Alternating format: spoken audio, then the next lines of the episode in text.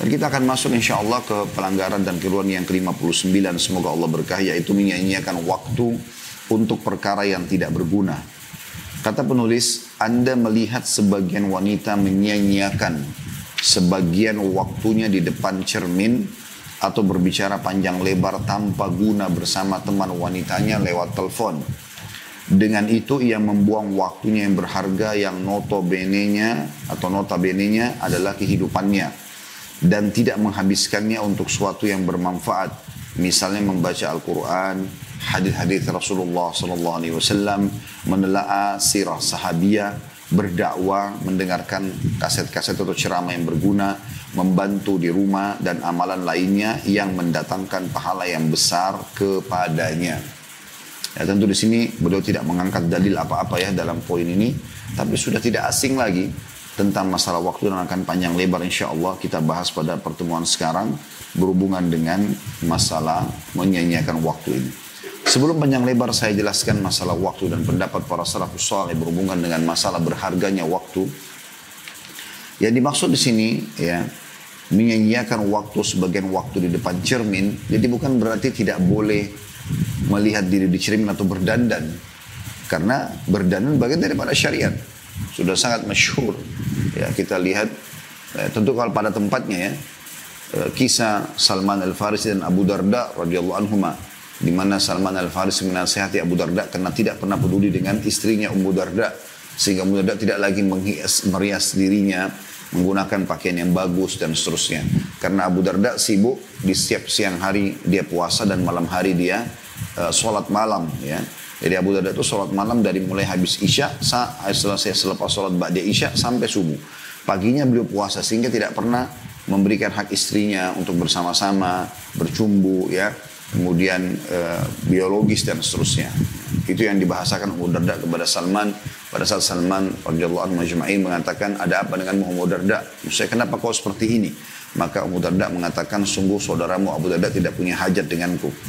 Maka Salman pun menegur Abu Darda dan mengatakan atikul lazi hakin haqqa.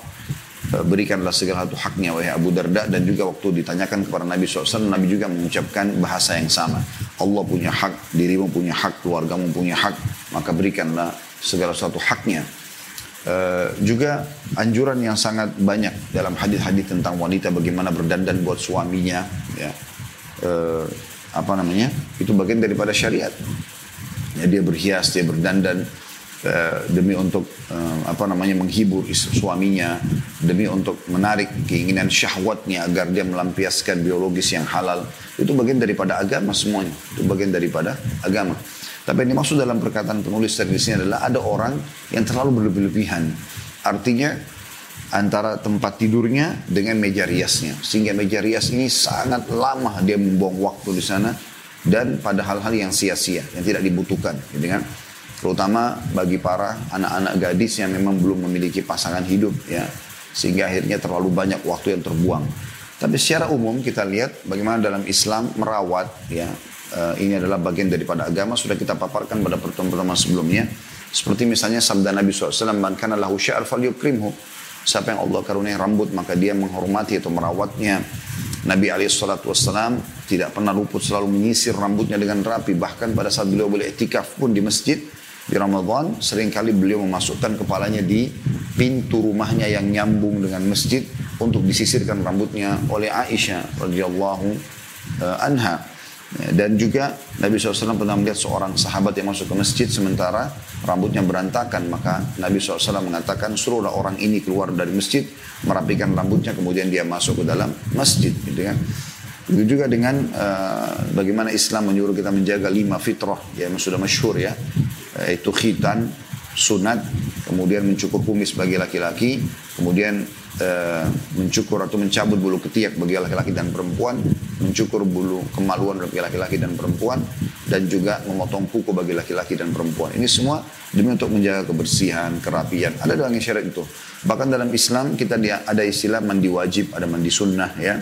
Seperti mandi wajib haid, nifas, uh, mandi junub mandi Jumat bagi laki-laki. Dan juga ada mandi yang disunnahkan pada saat seseorang ingin merawat badannya. Dan dia niatkan untuk menjaga apa yang telah Allah amanahkan. Maka itu bagian daripada syariat juga. Dan sekian banyak tentunya yang kita tahu eh, apa dalil-dalil berhubungan dengan masalah ini. Di antaranya Allah memuji penduduk Kuba. Ya, eh, di mana Allah SWT berfirman A'udzubillahi minasyaitonirrajim. Fihi rijalun yuhibbuna an yatatahharu Allah yuhibbul mutahhirin Ya, di sekitar Masjid Kuba ada orang-orang yang suka sekali bersuci, rapi, bersih, ya. Mereka merawat diri mereka, gitu kan.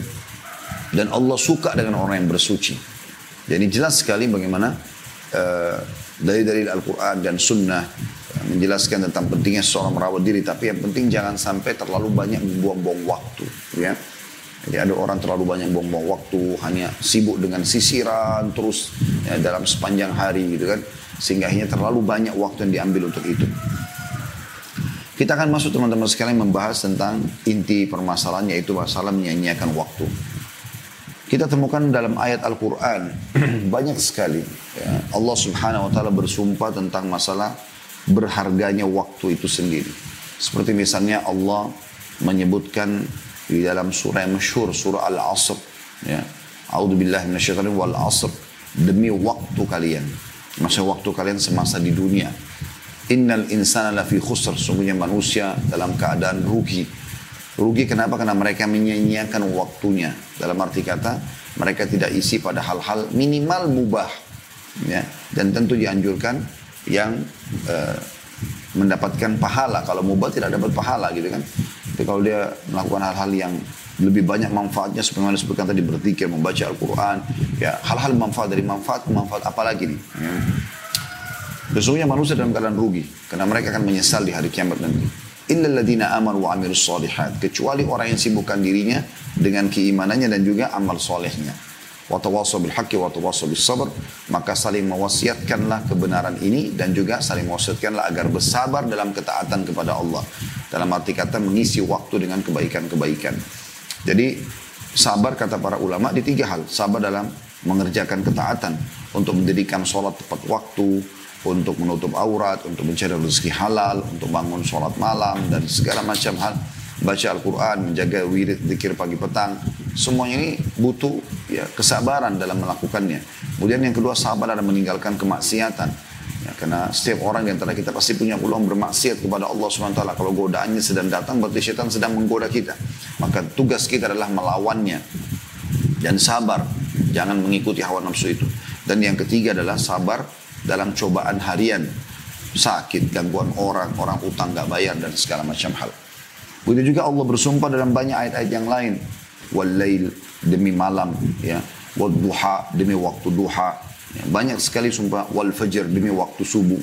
Ini semua Allah subhanahu wa ta'ala sebutkan dalam Al-Quran dengan tujuan agar mengingatkan kita semua saudaraku seiman tentang masalah waktu. Ya, bagaimana seseorang itu mengisi waktunya dengan baik. Juga sabda Nabi SAW dalam hadis yang masyur riwayat Bukhari nomor 6412 Kata Nabi SAW, ni'matani magbunun fihi ma kathiru minan nas, as-sihatu wal farag. Ada dua kenikmatan yang banyak manusia tertipu, lalai. Yaitu nikmat sehat. Pada saat dia sehat, dia kuat, dia harusnya gunakan dalam ketaatan kepada Allah SWT. Ya, menjaga sholat tepat waktu, membaca Al-Quran, menghafal, membaca, mempelajari Al-Quran, menuntut ilmu, dan segala macam hal yang bermanfaat. Kita belajar saja, kadang-kadang masih ada yang kita belum ketahui atau salah. Apalagi kalau tidak belajar. Ya, tidak mungkin ada manusia lahir dalam keadaan sudah berilmu. Dia harus terus belajar dan belajar gitu. Tidak ada kata terlambat untuk belajar dan tidak ada kata cukup untuk belajar. Ya. Begitu juga dengan ya, waktu kosong.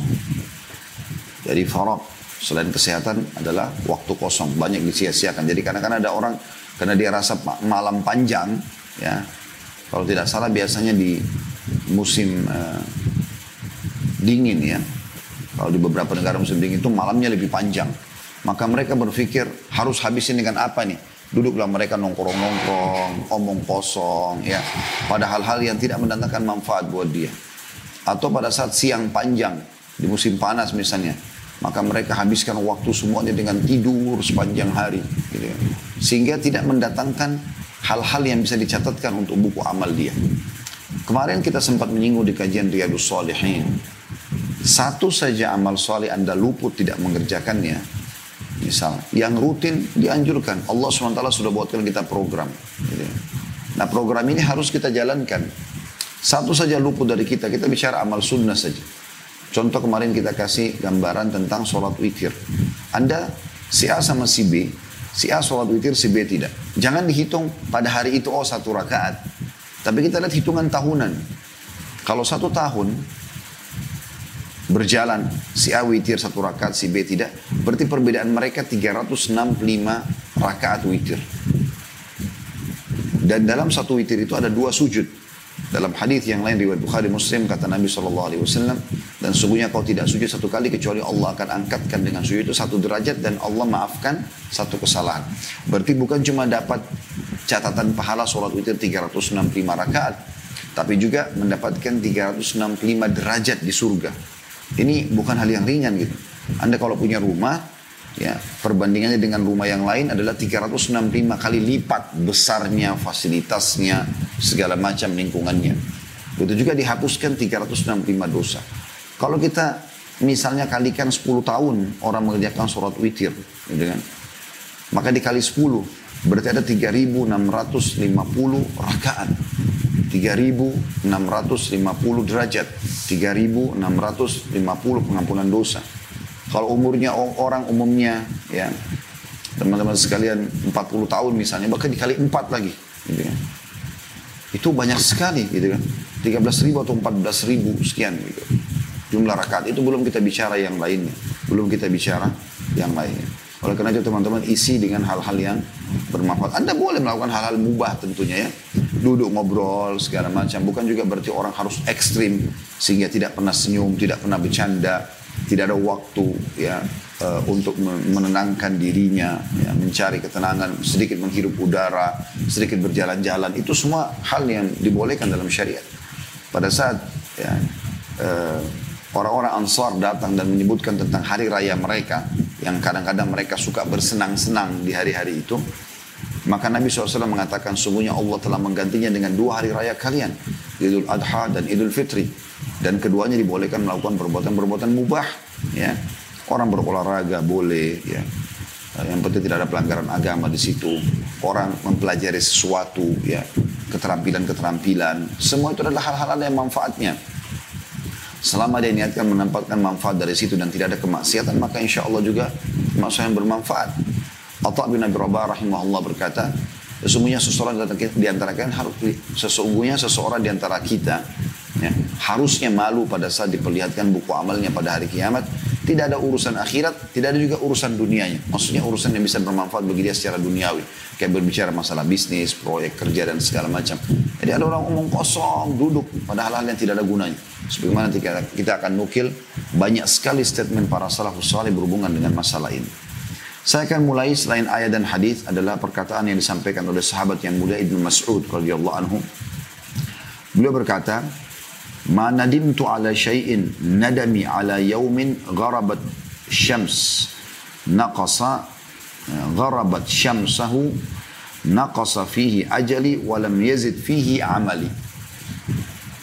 Tidak ada yang pernah aku sesali selebih yang aku sesali selain keadaan ketika matahari terbenam, ajalku berkurang, ya, batas umurku berkurang, namun amalku tidak bertambah. Jadi mereka betul-betul luar biasa memperhatikan waktunya. Harus hari ini lebih baik daripada hari kemarin. Ya, selalu begitu, minimal sama. Begitu juga Hasan Basri rahimahullah berkata, adraktu aqwaman kana ahadum asyah ala umurihi minhu ala dirhamihi. Aku mendapati orang-orang, maksudnya para sahabat. Karena Hasan Basri adalah seorang tabi'in. Aku menjumpai beberapa kaum, maksudnya para sahabat. Salah satu dari mereka lebih pelit terhadap umurnya atau waktunya daripada dirham atau hartanya sendiri. Ya.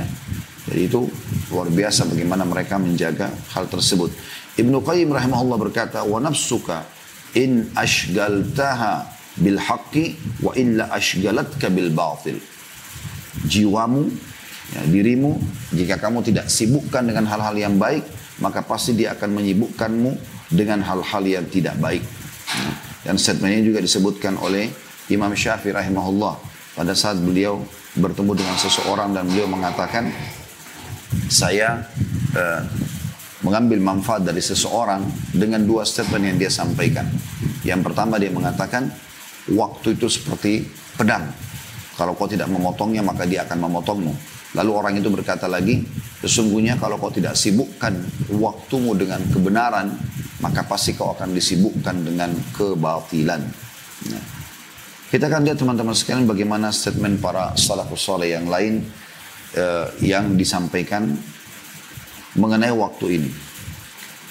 Hasan Basri juga berkata, Ibnu Adam innama ya, Ibnu Adam innama anta ayyamu kullama dhahaba yawmun dhahaba ba'duk. Wahai anak Adam, wahai manusia, kamu itu hanyalah kumpulan hari-hari. Tiap-tiap satu hari berlalu, maka hilang sebagian dirimu. Dan semua itu akan dipertanggungjawabkan itu di hadapan Allah subhanahu wa ta'ala. Saya juga pernah sampaikan teman-teman sekalian, setiap kali kita belajar seperti ini, saya pun lagi belajar bersama dengan teman-teman, bukan berarti saya lebih tahu. Maka kita setiap kali belajar kita menjadikan itu momentum untuk ber, me, me, me, memperbaiki apa yang keliru sebelumnya atau meningkatkan kualitas kalau sudah sebelumnya sudah bagus. Ya. Jadi kita bukan menghardik masa lalu. Tujuan kita belajar seperti ini dan Allah SWT mudahkan kita membahas materi hari ini, maka hari ini ke depan.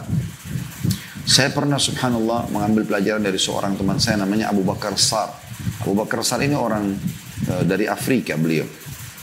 Waktu saya masuk uh, masih di tingkat pertama kuliah dakwah dan usuluddin di kota Madinah di tahun 1994 waktu itu. Uh, saya duduk Eh, di salah satu kursi di kelas. Waktu itu kami kebetulan 50 orang. Di sebelah saya ada kosong. Saya duduk sendiri, yang lain kursi terisi. Mungkin kurang lebih tiga bulan setelah kami berjalan kuliah. Ya, karena satu semester itu sekitar enam bulan ya. Tiga, empat bulan lah kurang lebih. Empat bulan kami berjalan. Karena sebentar lagi sisa dua bulan akan mulai masuk ujian semester gitu. Uh, ada satu orang teman dari Afrika. Abu Bakar namanya dari Senegal beliau dan beliau masya Allah Allah berikan taufik. Dan saya yakin memang karena juhudnya karena upaya dia yang luar biasa gitu. Karena saya kenal baik. Sampai dia menyelesaikan S3-nya di Madinah. Uh, maka dia kalau tidak salah sekarang belum menjadi duta ya di Saudi. Uh, dia sempat masuk dan duduk di sebelah saya. Dari pertama masuk di kelas waktu itu bahkan beliau datang dari lima materi sehari itu datang di materi yang kedua Dosen yang pertama sudah keluar 50 menit yang pertama sisa, masuk ke 50 menit yang kedua sisa 4. Itu boleh begitu duduk tidak kenalan sama saya, nggak kenalan sama teman-teman di kelas, gitu kan. Duduk sudah membawa se, uh, sebuah buku tulis kecil, buku tulis dan sebuah pulpen. Begitu dia duduk, dia begitu begitu kehausan seperti orang kehausan untuk mengejar ilmu itu. Dia menulis terus. Yang saya yakin teman-teman di kelas itu ya tidak menulis apa yang kita tulis ya uh, uh, empat bulan yang lalu atau banyak antara kita yang lalai. Menulis tapi tidak orang ini begitu masuk sudah terlambat di materi kedua pun dia tulis semuanya. Dan saya lihat hampir semua materi. Hanya jeda istirahat baru kenalan dengan teman-teman ya. Begitu terus setiap hari. Saya sempat bertanya kira-kira masih bermanfaat ya orang ini sekarang uh, untuk dia kejar materi gitu kan? Mungkin lebih tepat kalau dia uh, mengambil tulisan teman-teman yang sudah ada Ternyata teman-teman luar biasa manfaatnya. Dia lulus dengan nilai terbaik, dia komlaut untuk mumtaz, walaupun dia telat ya. Ternyata dengan kasus itu.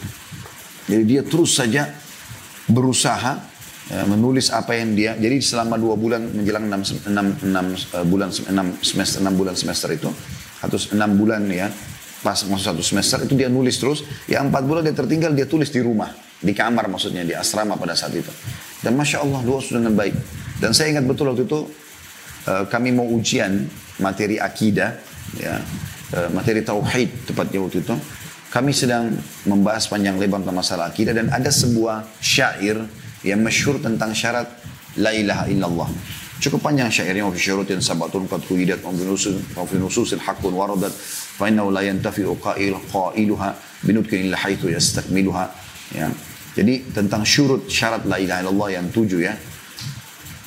Uh, Lalu disebutkanlah tujuh syarat tersebut. Ya. Uh, lalu kemudian saya lagi menghafal di depan kampus pada saat itu. Dan saya sudah hafal Alhamdulillah. Dan betul memang di ujian keluar. Lewatlah Abu Bakar ini. Hafizahullah. Dia lewat, kemudian dia mengatakan kepada saya, Khalid, apalagi yang kau mau sampaikan kepada saya? Maksudnya ada nggak informasi baru yang saya mungkin bisa hafal? Saya bilang, menurut saya mungkin syair ini. Tentang masalah tujuh syarat la ilaha illallah gitu. Maka subhanallah dia berdiri tanpa banyak bicara langsung dia bilang, ajarkan kepada saya. Saya sebutin lalu dia hafal. Dalam hitungan mungkin subhanallah 5 sampai 10 menit hafallah syair itu. Mungkin 4 5 bait syair ya. Dihafallah sama dia. Kemudian maka kami masuk ujian. Dan betul, saya waktu lihat ujian itu ternyata keluar soal itu. Dan angkanya kalau tidak salah 5 atau 7 pada saat itu. Itu subhanallah, saya langsung tersenyum dan melihat. Mengingat Abu Bakar ini bagaimana Allah berikan dia taufik. Ya, sehingga dia bisa sempat mendapatkan itu. Jadi bagaimana seseorang teman-teman sesuai dengan kadar niatnya dia berusaha mengisi hal-hal yang bermanfaat bagi dia dan insya Allah Allah berikan itu. Ya. Allah SWT mengatakan dalam Al-Quran, A'udhu billahi minasyaitanirrajim, walladzina jahadu fina, dan nahdiyannahum subulana. Orang-orang yang mengejar, berusaha, ya, jahadu fina, berusaha mengejar, ya, mendapatkan apa yang telah uh, kami tentukan di jalan-jalan kami, dari kebenaran, ilmu yang bermanfaat, mengenal halal haram, ya, berusaha mengejar ketinggalan-ketinggalan masa lalu dari ibadah, bertaubat, maka kami akan berikan panduan ke jalan kami. Dan cukup banyak tentu yang saya temukan seperti itu ya. Kemudian selanjutnya statement Umar bin Abdul Aziz rahimahullah. Salah satu ulama juga yang masyhur khalifah yang hidup yang menjadi khalifah tahun 99 sampai sampai 101 ya. Beliau mengatakan inna laili wan nahar ya'malani fika fa'mal fihima. Sesungguhnya malam dan siang itu ya bekerja untukmu Maksudnya mereka ada malam itu untukmu. Siang juga untukmu. Pagi sampai siang juga untukmu. Maka beramallah dan maksimalkan kedua waktu itu. Jangan sia-siakan siang kecuali kamu isi dengan kebaikan. Jangan sia-siakan malam kecuali kau isi dengan kebaikan. Amir bin Abdul Qais rahimahullah.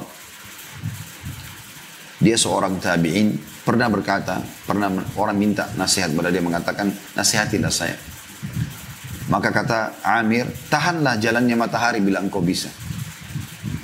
Kata-kata ini sebenarnya maknanya dalam sekali ya. Artinya pakai waktumu sekarang dengan maksimal. Bahkan pertanyaan seorang mukmin kepada orang lain harus pada hal-hal yang bermanfaat. Kita kalau mau bertanya sesuatu pada orang, tanyakan diri kepada diri kita dulu. Apakah itu perlu untuk ditanyakan? Kan? Ada orang subhanallah sia-sia. Nanyakan tentang baju orang si fulan, baju si fulan, sibuk dalam satu majlis bajunya si fulan bagus ya bajunya si fulan tidak ada manfaatnya buat dia kecuali memang dasarnya anda mau membeli baju yang sama anda bertanya orang mukmin harus jeli Masuk dalam umumnya hadis Nabi SAW riwayat Bukhari man kana yu'minu billahi wal yawmil akhir falyakul khairan aw liyasmut. Sampai mengaku beriman kepada Allah dan hari akhir maka dia hanya mengucapkan yang baik atau dia diam. Makna diam di sini adalah jangan bicara kalau tidak ada manfaatnya. Jangan bertanya kalau tidak ada tujuannya, tidak ada manfaatnya. Gitu kan? Ada orang sibuk, saya pernah gitu, uh, duduk dalam satu majelis bertemu dengan beberapa orang sibuk membahas tentang mobilnya fulan, rumahnya si fulan, merek bajunya si fulan, keluarnya terbitan baru yang indah itu. Kan, apa manfaatnya? Kecuali memang itu akan dia uh, ada sesuatu yang kebutuhan dia di situ ya, ada hajat dia di situ. Bisa tadi menanyakan pakaian, menanyakan sepatu, menanyakan dan kita memang mau butuh untuk itu. Tapi untuk mengetahui semua berhubungan dengan orang itu. Ada juga orang subhanallah sibuk dengan keadaan orang lain. Sampai dia seperti perpustakaan manusia yang berjalan. Siapa pun kita tanyakan orang pada dia, semuanya dia tahu. Tentang rumahnya orang, tentang anaknya, tentang istrinya, tentang segala macam. Hampir seluruh teman-teman sekalian, teman-teman saya yang saya tahu, saya tidak tahu uh, nama keluarga, nama istri mereka. Kecuali mereka menyampaikan kepada saya. Saya nggak pernah secara khusus tanya nama istrimu siapa. Bahkan saya tidak tanyakan jumlah anaknya berapa. Karena bagi saya bermanfaat gak sih saya tanya itu? Kecuali memang pada satu waktu misal dia mengatakan, oh ya saya ada anak, anak saya ada dua orang, saya mau minta tolong anak saya dibantu untuk dibeasiswakan, disekolahkan. Baru oh ya saya tahu jumlah anaknya sekian. Saya punya beberapa orang sahabat saya bahkan tidak tahu bagaimana bentuk rumahnya mereka di dalam. Karena bagi saya kalau mereka tidak persilahkan ya sudah gitu. Ada sahabat dekat saya di Jakarta itu, saya merasa nggak ada manfaatnya kalau saya harus mencari tahu semuanya. Karena akhirnya makin banyak saya tahu maka makin ada terbuka aib dan itu akhirnya makin makin makin negatif ya. Atau misalnya terjadilah terbukalah pintu-pintu hasad dalam hati karena merasa kenapa orang ini lebih kenapa ya saya tidak dan seterusnya maka harusnya kita jeli memikirkan masalah-masalah seperti ini teman-teman sekalian kemudian Imam Muhammad rahimahullah juga berkata Aku tidak menyerupakan masa muda kecuali dengan sesuatu yang menempel di lengan bajuku lalu jatuh. Artinya banyak orang bilang begini. Makna kata beliau, kamu kan masih muda nggak apa-apa, puas-puasin aja. Puas-puasin apa? Bahasa mereka puas-puasin itu udah pada kemaksiatan pasti. Tujuannya itu. Kalau dia pada manfaat maka dia akan mengatakan maksimalkan waktu menuntut ilmu mumpung kau muda. Seperti itu. Tapi kalau kita tidak, kebanyakan orang mengatakan puas-puaskan masa muda. Saatnya lah coba narkotika, coba rokok, coba pergaulan bebas, coba perzinahan, coba ini, coba itu. Ini kebodohan semua ini. Subhanallah. Bukankah Nabi SAW mengatakan, Inna Allah yu'jibu min syabin laysa lahu sabwa. Allah sangat kagum dengan anak muda yang tidak mengikuti hawa nafsunya. Justru masa muda itu, di mana kita sehat, kita lebih fresh, lebih segar. Gunakan dalam kebaikan-kebaikan. Saya bilang sama keluarga saya, istri saya maksud saya, kalau anak-anak ini kita tidak sibukkan dengan hal yang bermanfaat, maka nanti mereka akan tersibukkan dengan hal yang negatif. Kami buatkan program padat buat anak-anak, biarkan mereka capek dengan menuntut ilmu, dengan hafal Quran, itu demi manfaat dia. Dan dia belum merasakan 100% manfaatnya sekarang. Setelah mereka dewasa baru mereka merasakan itu. Saya terus bersyukur kepada Allah subhanahu wa ta'ala teman-teman sekalian. Walaupun saya masih sangat minim dalam ilmu agama, masih baru belajar ya, dan terus akan belajar insya Allah. Tapi saya bersyukur bagaimana Allah subhanahu wa ta'ala memudahkan saya bisa menghabiskan masa-masa dulu waktu masih SMP, SMA, ya, S1, habis di di pelajaran agama. Itu pun masih sangat kurang rasanya, masih haus. Ada saya setiap hari kalau kita baru baca statement ulama, oh ini baru ya, oh ini baru ya. ya kita yang sudah kita hafal pun kadang-kadang lupa kita ulangin lagi. Harusnya kita isi dengan hal yang bermanfaat. Dan Anda, walaupun posisinya sebagai orang tua, apa yang dulu sia-sia dari Anda, jangan jangan diwariskan kepada anak-anak. Dulu hamil di luar nikah. Lalu kemudian, ah nggak masalah, toh juga dia nikah. Toh dia merasa dirinya nikah juga sama laki-laki yang dia suka yang menghamili dia. Lalu dia terapkan itu pada anak-anaknya. Dulu juga ibu begitu kok nak. Dulu juga ayah begitu kok, nggak apa-apa. Mana pacarmu, mana ini, mana itu. Putus saja sama dia, cari pasar yang baru dan seterusnya. Kenapa ini disuruh kepada kemaksiatan? Juga setiap kali lihat ada yang tampan, ada yang cantik, Kenapa ya? Kayak aneh. Dalam majelis itu ada, majelis ilmu itu ada orang yang tampan, ada yang cantik. Kayak aneh. Kalau ada yang tampan dan cantik itu menjadi orang soleh dan soleh. Aji. Aneh betul. Itu kan. Ini sangat luar biasa anehnya. Jadi seakan-akan kenapa nggak dijadikan artis, kenapa nggak dijadikan ya public figure sehingga akhirnya harus membuka auratnya wanita, memamer kecantikannya dan segala macam. Hati-hati sekali. Ya. Pernah istri saya mengatakan, kebetulan Allah amanahkan kami anak-anak, masya Allah yang lucu gitu. Ini anak-anak ini ada yang sempat minta mau jadi iklan sampo, mau jadi iklan ini, mau jadi enggak. Saya bilang nggak bisa. Tapi kan masih kecil nggak bisa. Saya nggak mau ada bibit mereka merasa itu adalah sebuah prestasi sehingga akhirnya menjadi bintang iklan sehingga menjadi bintang dan itu karena kita harus menutup sebagai orang tua tentu kalau anda merasa itu adalah hak anda saya juga tetap mau begitu itu tuh hak anda pribadi kalau saya maka saya menutup dari awal saya mengatakan pada istri saya biarkan nanti anak-anak ini yang yang menikmati dia kalau anak perempuan adalah suaminya kita muliakan mereka dengan tutup aura, tutup aura, eh, hijab ya. Bahkan alhamdulillah anak-anak tertarik sekali walaupun mereka masih kecil menggunakan cadar. Alhamdulillah gitu kan. Itu satu karunia yang luar biasa gitu yang semestinya kita merasa itu aset amal jariah buat kita.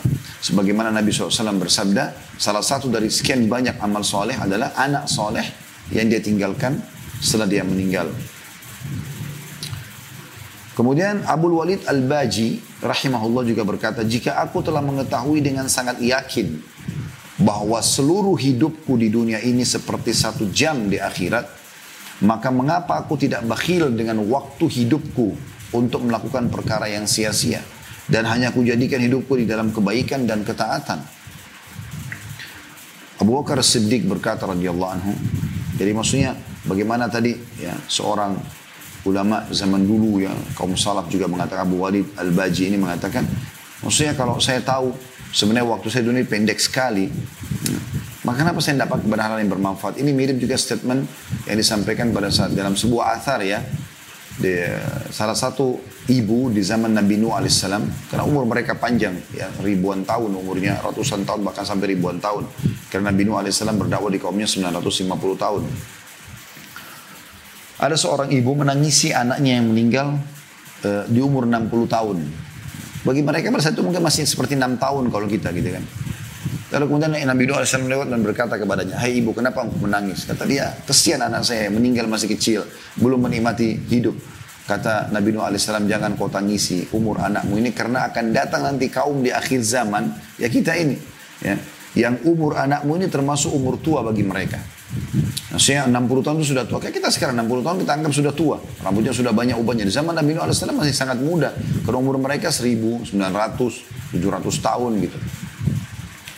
Maka kata ibu tersebut, statement yang perlu jadi pelajaran buat kita, wahai Nabi Allah, kalau seandainya saya hidup di zaman itu dan umur saya cuma 60 tahun, saya akan gunakan semuanya hanya untuk sujud kepada Allah. Saya tidak akan angkat kepala saya sujud selama 60 tahun. Begitu luar biasanya mereka memahami makna waktu itu. Selanjutnya Abu Bakar radhiyallahu anhu berkata, Inna lillahi haqqan bin nahari la yakbaluhu bil lail Walillahi haqqun bil lail la yakbaluhu bin nahar. Sesungguhnya Allah itu memiliki hak pada waktu siang. Kayak misalnya sholat duhur, ya, sholat subuh dari waktu pagi juga, ya, sholat duha, misalnya zikir pagi, ya. Contoh, dia Allah tidak akan menerimanya di waktu malam. Kita kalau sholat duhur di waktu malam tidak diterima, sholat duha tidak diterima. Sudah selesai. Jadi kalau lewat waktu itu maka akan luput dari kita. Kayak tadi misalnya Anda tidak sholat duha. Sunnah iya. Tapi Anda rugi sendiri karena tidak akan pernah bisa Anda perbaiki lagi buku amal itu. Anda demi Allah akan menerima buku amal Anda pada hari ini di di di pagi tadi ya tidak eh, tidak tercatat atau kosong dari sholat duha. Kenapa Anda sia-siakan itu? Dan sungguhnya Allah juga memiliki hak pada malam hari.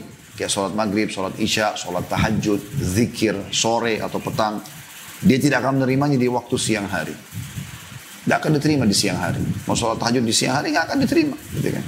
Karena sudah malam. Kecuali memang kadang-kadang tertentu ya. Seperti misalnya disebutkan dalam sebuah riwayat Nabi SAW pernah kelewatan sholat malamnya. Tapi itu terjadi sekali dalam kehidupan Nabi SAW gitu kan. Jadi bukan setiap saat karena rutinitas beliau adalah sholat malam. Beliau pernah ketiduran bangun sudah subuh. Maka beliau menggantikan dengan 12 rakaat di waktu duha gitu kan. Nah itu mungkin orang kalau kebablasan betul-betul. Tapi umumnya orang tidak meninggalkan masalah itu. Dan Anda sudah tahu tentunya bagaimana memahami poin ini. Kalau Anda bekerja di kantor akan beda sekali. Pegawai yang suka menjaga waktu ya on time kalau bekerja dia uh, memberikan mem, pada saat kerja dia menguasai bidangnya ya Bagaimana kedudukan dia di pemilik perusahaan atau pimpinan perusahaan dengan orang yang suka datang telat, malas bekerja, tidak menyelesaikan pekerjaannya, akan beda. Ini rasionalnya sebenarnya. Begitulah hamba Allah yang rajin, memaksakan diri, maka itu sangat baik. Ya, dia akan panen pahalanya. Begitu juga dengan orang yang menyanyiakan waktu akan menyesal tentunya. Penyair mengatakan, penyair Arab, wal waktu anfasu ma ya, anaita bihafzihi wa arahu ashala ma. Artinya, waktu adalah perkara paling mahal yang perlu engkau perhatikan untuk dijaga. Tetapi aku melihatnya paling mudah engkau menyanyiakannya. Jadi ini peringatan-peringatan yang luar biasa gitu ya. Hasan Basri juga berkata dalam statement yang lain, Ibnu Ad, Ibnu Adam, iyyaka wat taswifa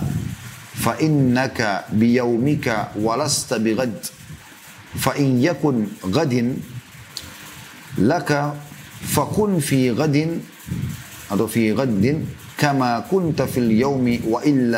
laka lam ala ma wahai anak Adam janganlah engkau menunda-nunda amalan-amalanmu. Setiap ada kesempatan saat ini lakukan langsung. Saya sudah kasih contoh tadi teman saya Abu Bakar ya Bagaimana beliau langsung eksekusi pada saat itu. Dan saya pun ambil pelajaran. Ada kesempatan langsung kerjakan. Ingat, pada saat kita malas mengerjakan sebuah jenis ibadah di waktu itu berarti Anda sedang diserang oleh syaitan. Tugas Anda kalau lagi diserang apa? Melawan. Tidak boleh kita diam. Lagi malas sholat malam, lagi malas sholat duha, lagi malas zikir, lagi malas baca Quran. Lawan. Karena Anda sedang diserang. Kalau anda lawan, anda akan mengalahkan syaitan. Karena Allah SWT mengatakan, Inna kaida syaitani kana dha'ifa. Syaitan itu sangat lemah. Gitu kan? Di budaya pun lemah, dia cuma bisa bisikkan. Kalau anda tidak melawan, maka anda akan dikalahkan oleh dia. Dan dikuasai, walaupun dia lemah. Kata Hasan Basri, wahai anak Adam, janganlah engkau menunda-nunda amalan-amalan. Karena engkau memiliki kesempatan pada hari ini. Adapun besok atau esok hari, belum tentu engkau memilikinya. Jika engkau bertemu besok hari, maka lakukanlah pada esok hari itu sebagaimana engkau lakukan pada hari ini. Jika engkau tidak bertemu esok hari, engkau tidak akan menyesal sikapmu yang menyanyiakan hari ini. Ya. Jadi maksudnya kalau kau lakukan hari ini kau punya kesempatan, maka hari ini milikmu, hari inilah maksimalkan. Ini juga saya teringat statement sebagian salaf yang mengatakannya, ya, masa lalumu telah berlalu. Kalau itu perbuatan baik, bersyukurlah kepada Allah dan mohonlah agar Allah terima sebagai amal saleh. Kalau kau berbuat dosa, bertobatlah. Hari ini adalah milikmu, maksimalkanlah ibadahmu. Dan hari esok adalah angan-anganmu. Maka programkan, tapi belum tentu kau memilikinya. Artinya hari ini maksimalkan. Ya, selalu jadikan sebagai bahan muhasabah.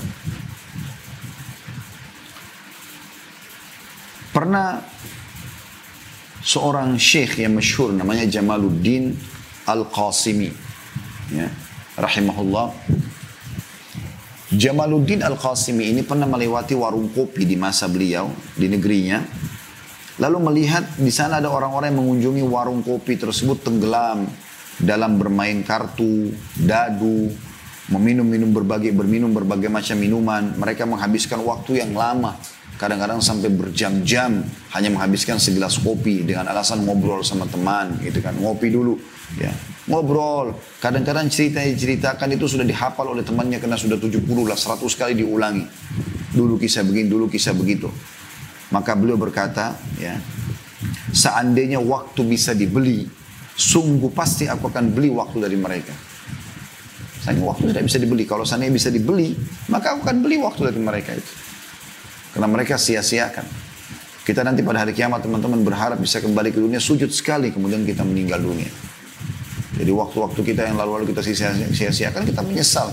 Ya, dan sekarang ke depannya kita perbaikin. Ya, setelah taklim ini kita berharap kita lebih terus semangat lagi, lebih menjaga amal-amal soleh dan juga tidak menyia-nyiakan waktu. Ibnu Qayyim rahimahullah menyebutkan tentang seorang laki-laki yang menghabiskan umurnya untuk mengumpulkan dan menumpuk harta. Ketika kematian mendatanginya, dikatakan kepadanya, katakan la ilaha illallah. Jadi ada orang hidup sama dengan beliau, Ibnu Qayyim rahimahullah, Orang ini terus saja dagang sampai lalai dengan sholatnya ya. Hanya dengan transaksi akhirnya tidak sholat. Dan ini sering kita lihat subhanallah. Bahkan di hari Jumat sering kali para pedagang-pedagang kita lihat mereka tidak ikut sholat Jumat dan mereka sibuk dengan ya, dagangannya. Takut ketinggalan pembeli. Padahal berapa sih modal yang dia jual itu? Ya. Itu juga dengan sholat lima waktu dan seterusnya. Maka di zaman beliau ada orang yang pernah sibuk dengan itu, tidak lalai dengan ibadah kepada Allah SWT. Pada saat dia mau meninggal dikatakan La ilaha illallah. Ternyata orang itu hanya mengucapkan satu kain harga lima dirham, satu kain harga sepuluh dirham. Ini kain yang bagus. Demikian seterusnya sampai ruhnya keluar. Jadi Allah tidak memberikan dia kesempatan menutup hidupnya dengan sabda Nabi SAW. Man kana akhiru kalami la ilaha illallah dakhala al jannah. Siapa yang akhir kalimatnya la ilaha illallah pasti dia masuk ke dalam surga. Ya, jadi banyak sekali orang membuang-buang waktunya ya. Sebagian ulama juga mengatakan aku telah melihat kebanyakan orang menghabiskan waktu dengan cara yang aneh. Jika malam panjang, maka mereka habiskan untuk pembicaraan yang tidak bermanfaat atau membaca buku percintaan dan beda, begadang. Jika waktu siang panjang, maka mereka habiskan untuk tidur. Sedangkan pada waktu pagi dan sore, mereka di pinggir sungai Dajlah. Ini salah satu sungai di Irak ya. Atau di negeri Syam, salah satunya atau di pasar-pasar. Aku ibaratkan mereka itu adalah orang-orang yang berbincang-bincang di atas kapal. Kapal itu terus berjalan membawa mereka dan berita mereka. Aku telah melihat banyak orang yang tidak memahami arti kehidupan. Hasan Basri rahimahullah juga di kesempatan, kesempatan yang lain. Beliau pernah mengantar jenazah, kemudian ada uh, anak muda di sebelahnya yang melihat apa yang Hasan Basri lakukan. Beliau sedang berzikir. Ya, subhanallah, alhamdulillah, wa la ilaha illallah, Allahu akbar gitu. Maka pada saat itu teman-teman sekalian, Anak muda ini bertanya, mengatakan, wahai imam. Imam ini kayak kita kiai, guru, ustadz ya sekarang. Eh, kenapa anda berzikir? Maka nasihat beliau luar biasa. Memang Hasan Basri dikenal setiap kali orang merasa imannya lemah datang kepada beliau. Di Basra. Kota Basra itu di Irak ya. Makanya dikatakan Hasan Basri. Beliau mengatakan berzikirlah wahai anak muda. Karena yang sedang kita antar sekarang sudah nggak bisa berzikir. Yang sedang kita antar sekarang sudah nggak bisa berzikir. Anda kalau lewat di kuburan, ya, Anda lihat batu-batu nisan, itulah manusia-manusia yang mirip seperti kita. Tidak ada bedanya. Sama dengan kita, yang laki-laki, laki-laki, yang perempuan-perempuan gitu kan. Dulu juga sama. Seperti kita lahir dari rahim ibu, kita juga bayi, juga anak-anak bermain-main, ya punya masa remaja, menikah, punya anak, dan seterusnya tua meninggal. Mirip dengan kita. Ya. Maka ambil pelajaran dari kekurangan-kekurangan yang mereka sia-siakan itu. Ambil pengalaman. Sampai sebagian ulama mengatakan seringlah berteman dengan orang yang tua. ya Bahkan ada statement mereka mengatakan 70 tahun. Karena pengalaman hidupnya akan membuat kau tidak menyia-nyiakan waktumu. Oh dulu saya begini, oh dulu saya begitu gitu kan. Saya pernah bertemu di kota Makassar, kebetulan kami sekarang lagi ada di Makassar. Eh, sudah meninggal rahimahullah eh, sahabat dekat ayah saya. Setiap kali saya ke Makassar kalau ketemu ayah biasanya Beliau mengajak saya bertemu dengan beberapa teman-teman beliau gitu ya. Uh, jadi dia sahabat itu sahabat beliau kebetulan di keteter karena eh, nggak uh, bisa lagi kencing normal maaf Terus saya datang ke sana, kemudian sambil, sambil ngobrol-ngobrol, saya cuma dengarkan saja. Seringkali saya coba ambil hikmah, apa yang saya bisa ambil dari orang-orang yang sudah lebih tua dari saya. Gitu kan. Mereka berbicara tentang apa, saya ambil manfaatnya gitu. Yang jelas teman-teman sekalian pada saat itu terdengar azan asar seingat saya itu. Lalu saya bilang, saya pamit mau sholat ke masjid dulu gitu. Ada masjid dekat situ kebetulan.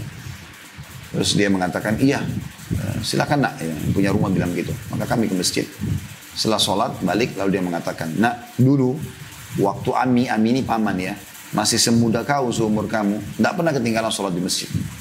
Lima waktu sholat selalu azan ke masjid. Tapi sekarang keadaannya begini, ya sudah diketeter nggak bisa lagi. Saya kencing tidak bisa lagi normal, maka harus di atas ranjang dia. Ya, di rumah saya juga ada penyakit komplikasi tentunya. Maka saya ambil pelajaran pada saat itu, iya ya. Kenapa kok saya harus tunggu nanti naudzubillah sakit kemudian baru mengatakan tidak bisa gitu ya. Kalau anda, ada hadis Nabi SAW yang mulia, siapa yang terbiasa mengerjakan sebuah ibadah, ya, kegiatan baik di waktu dia senggang, sehat, kemudian dia punya udur maka Allah akan berikan dia pahala terhadap ibadah itu. Ya dengan pahala yang sempurna. Misalnya orang biasa puasa Senin Kamis atau sholat malam karena satu waktu dia punya udur tidak bisa atau dia biasa ke masjid kemudian dia punya udur sakit nggak bisa maka Allah tetap catatkan bagi dia pahalanya ya.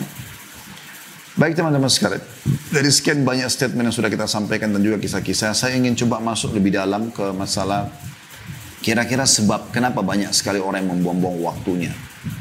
Sebab yang pertama, kemungkinan besar karena mereka tidak memiliki tujuan hidup. Dan tidak memahami tujuan hidupnya apa sebenarnya. Sehingga dia tidak tahu besok mau buat apa sih. Gitu kan? Padahal program hidup sudah ada dibuatkan oleh Allah Azza wa Jalla. Sementara kita diajarkan dalam Islam, sebagaimana Allah sebutkan dalam surah Az-Zariyat, ya, ayat 5, ayat 5 ya, surah nomor 51 ayat 56 ya. A'udzu billahi minasyaitonir rajim ma khalaqtul jinna wal insa illa liya'budun. Aku tidak ciptakan jin dan manusia kecuali untuk ibadah. Berarti memang tujuan Anda ada di sini di muka bumi untuk ibadah. Ibadah itu semua perbuatan yang diperintahkan dan dicintai oleh Allah Subhanahu wa taala, gitu kan. Maka itu tujuan utama. Jadi kalau ada orang mengatakan, kamu kok lama sekali sholat duhanya? Kamu kok kenapa selalu ke masjid? Kamu kok kenapa habisin waktu untuk hafal Quran? Kamu kok kenapa dulu berjam-jam majelis ilmu nggak bosan? Di majelis ilmu misalnya nggak bosan. Ini orang yang tidak faham. Memang tujuan kita hidup untuk itu. Justru kamu yang aneh kalau kamu habisin di pinggir-pinggir jalan, dekat got, di mall-mall yang tidak ada manfaatnya, tidak ada tujuannya. Anda boleh masuk ke mall, tapi harus hati-hati. Ya, harus hati-hati. Kita harus tahu ada tujuan atau tidak. Kalau hanya habisin waktu saya nggak usah. Masih banyak hal bermanfaat yang Anda bisa lakukan. Allah menyebutkan dalam surah Al-Mu'minun, surah nomor 23 ayat 115 tentang masalah ini. A'udzu billahi minasyaitonir rajim. Afa hasibtum annama khalaqnakum abathan wa annakum ilaina la turja'un? Apakah kalian mengira kami ciptakan kalian sia-sia untuk main-main saja? Abath. Abath itu kayak nggak ada gunanya. Ya hidup makan tidur mati selesai. Dan kalian mengira bahwasanya kalian tidak tidak akan dikembalikan kepada kami, gak ada pertanggungjawaban terhadap apa yang kalian sudah lakukan. Ini Allah buat kita untuk berpikir teman-teman sekalian, ya. Nabi SAW bersabda berhubungan dengan masalah ini juga, Wallahi inni la akhsyakum lillahi wa atqakum lahu, lakinni asum wa uftir, wa usalli wa arkud, wa atazawwajun nisa, man ragiba an sunnati falaysa minni. Demi Allah sungguhnya aku adalah orang yang paling takut dan paling takwa di antara kamu kepada Allah. Tapi aku berpuasa, aku juga berbuka puasa. Artinya berikan haknya semuanya. Gitu. Sholat malam dan juga tidur. Dan aku menikahi wanita, barang siapa yang membenci sunnahku maka bukan dari golonganku. Artinya ini semua adalah jenis-jenis ibadah yang sudah dicontohkan oleh Nabi SAW. Kita juga tidak boleh teman-teman terlalu ya, berlebihan. Seperti misalnya ada orang memang belum tidur semalam suntuk. Dia tidak mau tidur, kemudian dia paksakan diri sholat malam dalam kondisi dia mengantuk. Ini juga akhirnya mengganggu. Seakan-akan sholat malam itu adalah tanda kutip sebuah siksaan. Zainab binti Muhammad radhiyallahu anha, anak Nabi SAW, ya, mulia ibunya Umamah. Uh, pernah Nabi SAW masuk ke masjid di waktu sholat malam, Kemudian beliau menemukan ada tali diikat di antara dua tiang masjid. Lalu beliau SAW bertanya kepada para sahabat yang ada di situ, ini siapa yang pasang tali ini? Kata mereka Zainab, anak anda ya Rasulullah. Kata Nabi SAW, kenapa? Karena Zainab kalau sholat malam, kalau ngantuk, dia gantungkan diri tangannya kiri kanan di tali itu. Gitu kan? Supaya dia tetap bisa sholat walaupun dalam kondisi dia mengantuk. Maka Nabi SAW mengatakan, cabut. Lalu beliau bersabda dalam sabda yang lain, Sesungguhnya kalau saudara kalian mau sholat malam sementara dia mengantuk, istirahatlah dulu. Artinya kalau kita mau sholat malam, coba atur, rapikan itu ibadahnya. Jadi misalnya tidur lebih cepat ya. Kemudian misalnya jam 10 malam, jam 11 kita tidur ya jam 9 malam. Itu sudah sangat bagus. Nanti bangun jam 3 misalnya. Kecuali memang Anda punya penyakit, Anda tidak bisa tidur cepat atau ada kegiatan-kegiatan penting ya. Sampai Abu Daud rahimahullah menulis buku dalam buku beliau Sunan Nabi Daud salah satu bab bab nahi anis samr bab larangan begadang tanpa ada manfaatnya. Dan dinukil dari uh, asar yang banyak bahwasanya Nabi SAW tidak begadang kecuali pada hal-hal yang diperlukan. Ya, ada pembahasan tentang muslimin. Kalau kita sekarang ada majelis ilmu, ada silaturahim keluarga, ada keluarga yang meninggal dunia, menjenguk orang yang sakit, mendesak ya, waktu-waktu itu tidak ada masalah. Kalau tidak, kita gunakan untuk ibadah kepada Allah Subhanahu Wa Taala. Yang kedua adalah kebodohan. Nah, bodoh terhadap nilai waktu, urgensi waktu. Dia tidak tahu tentang masalah itu. Dia bodoh dengan masalah ini, tidak mengerti sama sekali. Ya. Dia menganggap tidak ada masalah lah, tidak ada masalah. Selalu bahasa nggak masalah ini yang disampaikan oleh dia. Ini keliru ini. Jangan bilang nggak masalah. Harus ada masalah kalau tidak mendatangkan manfaat kepada anda. Karena tidak akan pernah kembali waktu itu. Ya. Dan dalam masalah ini perlu saya titik beratkan teman-teman sekalian terutama peluang ibadah ya. Ingat peluang ibadah sekali luput dari Anda, Anda tidak akan pernah bisa perbaiki selamanya. Selamanya. Tadi saya kasih contoh, kalau tadi Anda tidak sholat duha walaupun cuma dua rakaat, Anda biar menyesal tidak akan pernah bisa Anda perbaiki sampai hari kiamat. Anda akan temukan buku amal Anda kosong dari amal itu. Sekali Anda luput, luput semuanya. Beda dengan dosa. Dosa Anda kerjakan nih. Lalu Anda bertaubat walaupun di hidup Anda dimaafkan oleh Allah SWT. Tapi amal soleh tidak. Dan itu berbeda antara orang yang sibukkan diri dengan ibadah dengan orang yang berbuat dosa lalu bertaubat. Tentu lebih tinggi derajatnya orang-orang yang berbuat amal saleh. Karena amal saleh itu meninggikan derajat dan dia tidak punya kesalahan. Sementara orang yang taubat, ya, dimaafkan kesalahan tapi tidak ada amal solehnya. Dia baru mau mengerjakan amal soleh setelah dia bertaubat, gitu kan? Maka berbeda tentunya. Menyibukkan pada hal-hal yang bermanfaat jauh lebih baik daripada orang-orang yang ya uh, membuang-buang waktunya. Kemudian sebab yang ketiga tidak adanya azm, tekad yang kuat ya seperti duduk menuntut ilmu, beribadah, nggak ada ini dalam hidupnya. Sehingga akhirnya membuat dia nggak ada azam, nggak ada. Ya. Azam itu teman-teman tekad itu seperti misalnya saya mau ke majelis, saya mau belajar ilmu dari jam 9 sampai jam 10 pagi. Tekadnya itu, maka jangan ada yang bisa ubah itu, apa pun uh, godaannya. Saya habis subuh mau zikir pagi petang, zikir langsung. Diajak ngomong apa pun jangan bicara. Saya pernah bertemu dengan seorang teman saya di Jeddah, namanya Ahmad. Pengusaha sebenarnya. Tapi satu waktu pernah saya di Jeddah kebetulan, terus nginap di rumahnya, diajak nginap di rumahnya. Terus saya mau nginap di hotel, diajak ke rumahnya. Maka saya datang, bentuk penghormatan kepada beliau. So, azan subuh, kami sama-sama ke masjid dekat rumahnya. Pas pulang dari masjid, karena rumahnya cukup jauh masjid, kami naik mobil. Saya sempat bertanya beberapa hal dengan dia. Bagi saya sih bermanfaat gitu. Maksudnya hari ini program kita apa. Terus dia dia diam dan dia keluarkan suaranya, dia sedang membaca zikir pagi. Akhirnya mengingatkan kepada saya juga, oh iya. Dan dia tidak mau jawab apa pun apa yang saya tanya sampai dia selesai zikir. Sampai tiba di rumahnya, turun dari mobil dia masih zikir. Sampai selesai baru dia bicara sama saya tentang masalah sarapan program kita hari ini apa dan seterusnya. Jadi tekad itu penting. Ya. Tekad ya, yang kuat ini harus ada dalam diri kita. Karena beda orang yang punya tekad dengan orang yang tidak punya tekad. Itu akan sangat jauh perbedaannya karena memang orang yang punya tekad dan azam itu pasti dia akan isi, dia akan coba terapkan program dan dia berpegang pada itu. Ya. Kita temukan ini teman-teman sekalian, orang-orang yang sukses dalam kehidupan dunia mereka karena mereka punya tekad. Tentu juga berhubungan dengan masalah akhiratnya. Allahu a'lam.